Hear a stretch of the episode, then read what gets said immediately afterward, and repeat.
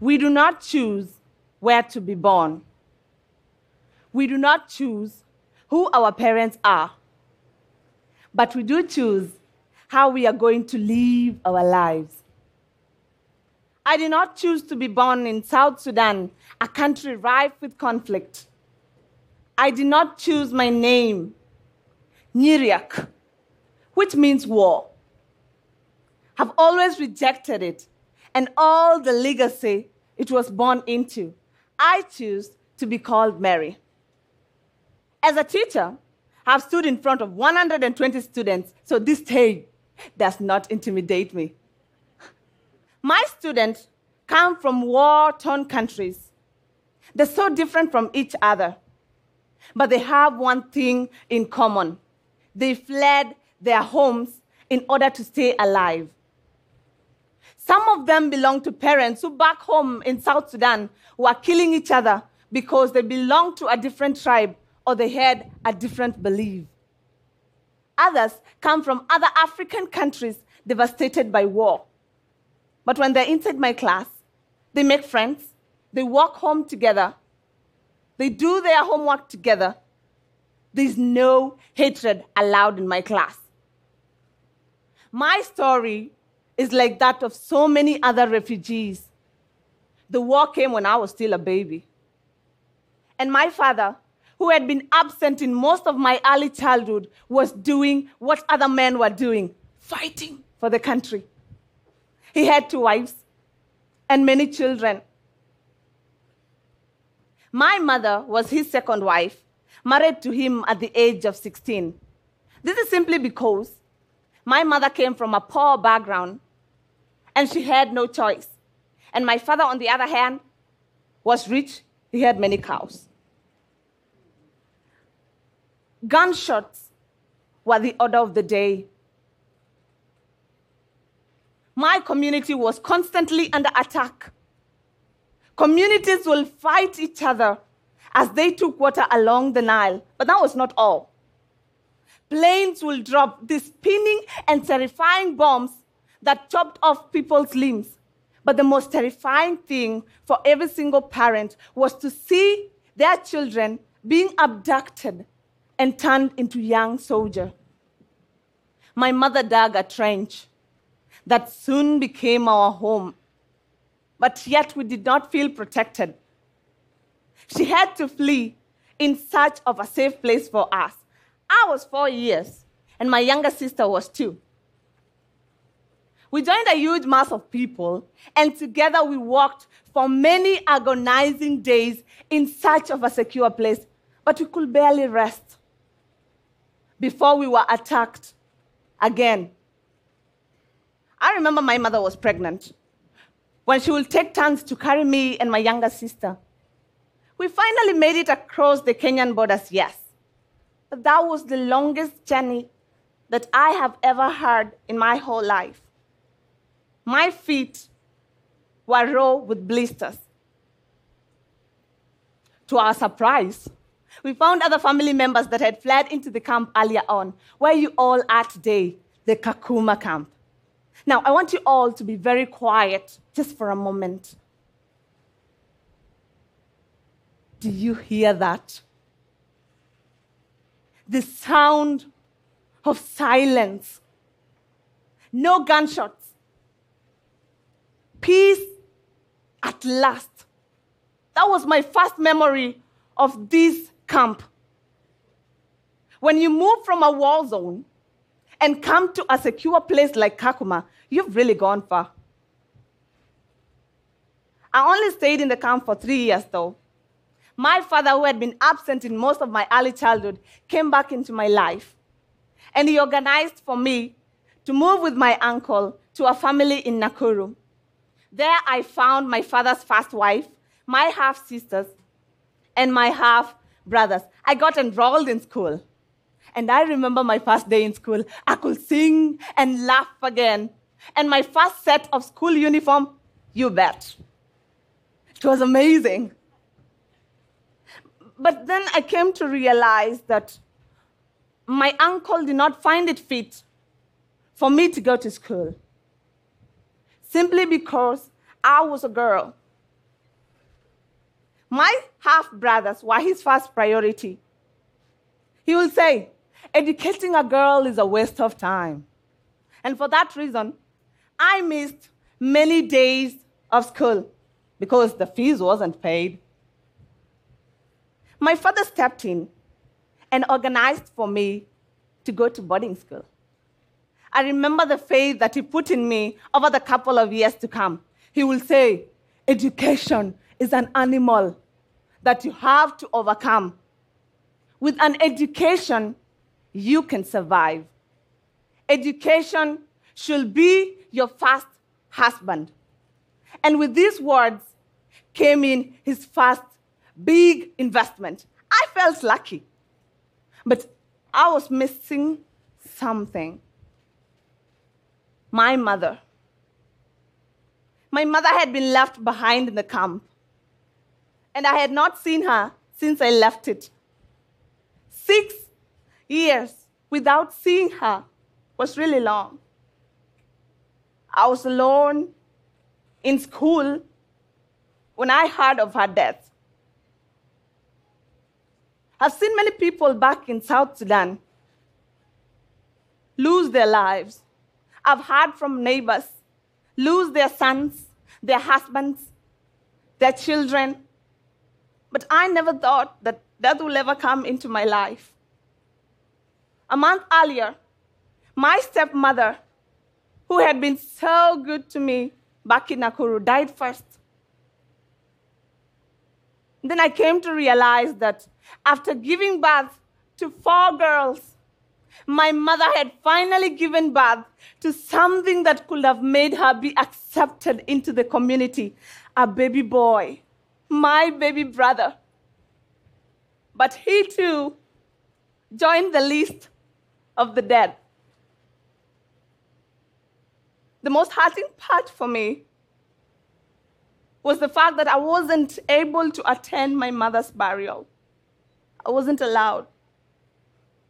The sad, her family did not have find it fit for her children, who are all girls, to attend her burial simply because we were girls. They would lament to me and say, We are sorry, Mary, for your loss.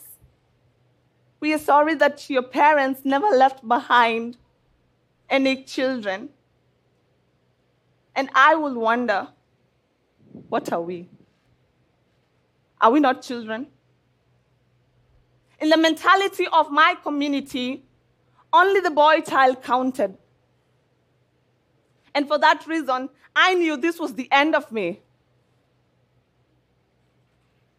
But I was the eldest girl. I had to take care of my siblings. I had to ensure they went to school. I was 13 years old. How could I have made that happen? I came back to the camp to take care of my siblings. I've never felt so stuck. But then, one of my aunts, Auntie Akoi, decided to take my sisters. My father sent me money from Juba for me to go back to school. Boarding school was heaven, but it was also so hard. I remember during the visiting days when parents will come to school and my father will miss. But when he did come, he repeated the same faith in me. This time he will say, Mary, you cannot go astray because you are the future of your siblings. But then, in 2012, life took away the only thing that I was clinging on my father died. My grades in school started to collapse. And when I sat for my final high school exams in 2015, I was devastated to receive a C grade. Okay, I keep telling students in my class it's not about the A's, it's about doing your best. That was not my best.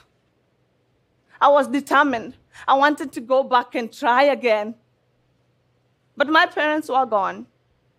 I had no one to take care of me, and I had no one to pay that fees. I felt so hopeless. But then one of my best friends, a beautiful Kenyan lady, Esther Kaecha, called me during these devastating moments. And she was like, Mary, you have a strong will, and I have a plan, and it's going to work. Okay, when you're in those devastating moments, you accept anything, right? So the plan was she organized some travel money for us to travel to Anesta Victory Girls High School. I remember that day so well. It was raining.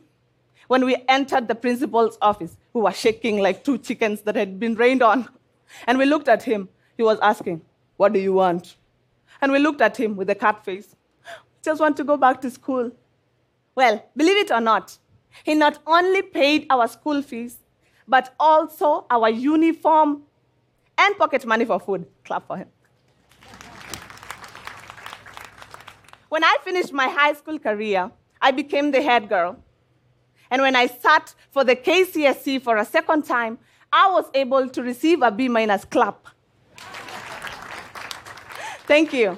So I really want to say thank you to Anesta Victory, Mr. Gatimo, and the whole Anesta fraternity for giving me that chance. From time to time, members of my family will insist that my sister and I should get married so that somebody will take care of us. They will say, We have a man for you. I really hate the fact that people took us as property rather than children. Sometimes they will jokingly say, You're going to lose your market value the more educated you become. But the truth is, an educated woman is feared in my community. But I told them, This is not what I want. I don't want to get kids at 16 like my mother did. This is not my life. Even though my sisters and I are suffering, there's no way we are heading that direction. I refuse to repeat history. Educating a girl will create equal and stable societies. And educated refugees will be the hope of rebuilding their countries some days. Girls and women have a part to play in this just as much as men.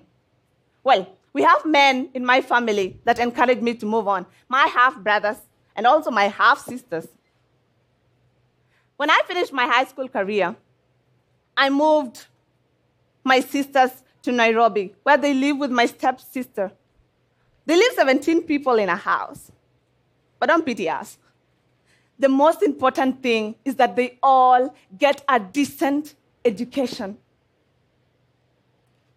The winners of today are the losers of yesterday, but who never gave up.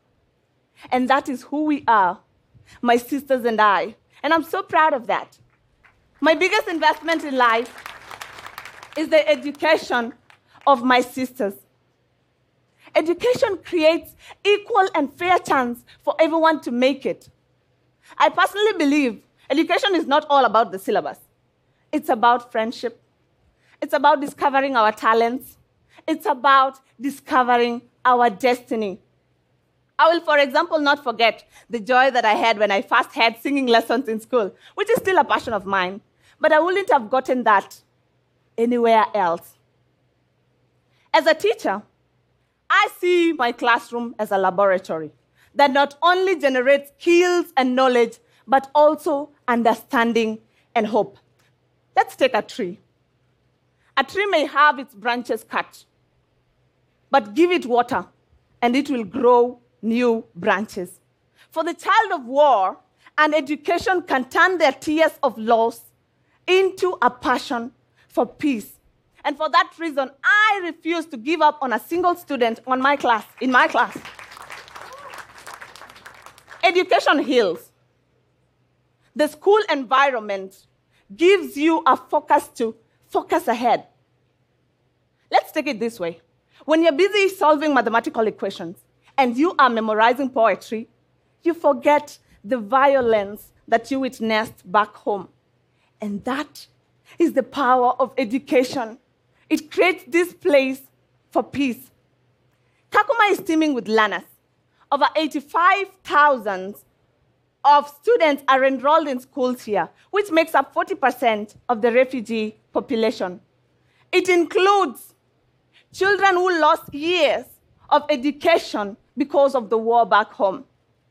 And I want to ask you a question if education is about building a generation of hope, why are there 120 students packed in my classroom? Why is it that only 6% of the primary school students making it to high school simply because we do not have enough places for them? And why is it that only 1% of the secondary school graduates making it to university? I began by saying that I am a teacher. But once again, I have become a student. In March, I moved to Rwanda on a scholarship program called Bridge to Rwanda. It prepares scholars for universities.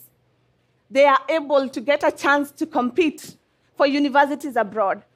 I'm now having teachers telling me what to do instead of the other way around. People are once again investing in me. So I want to ask you all to invest in young refugees. Think of the tree that we mentioned earlier.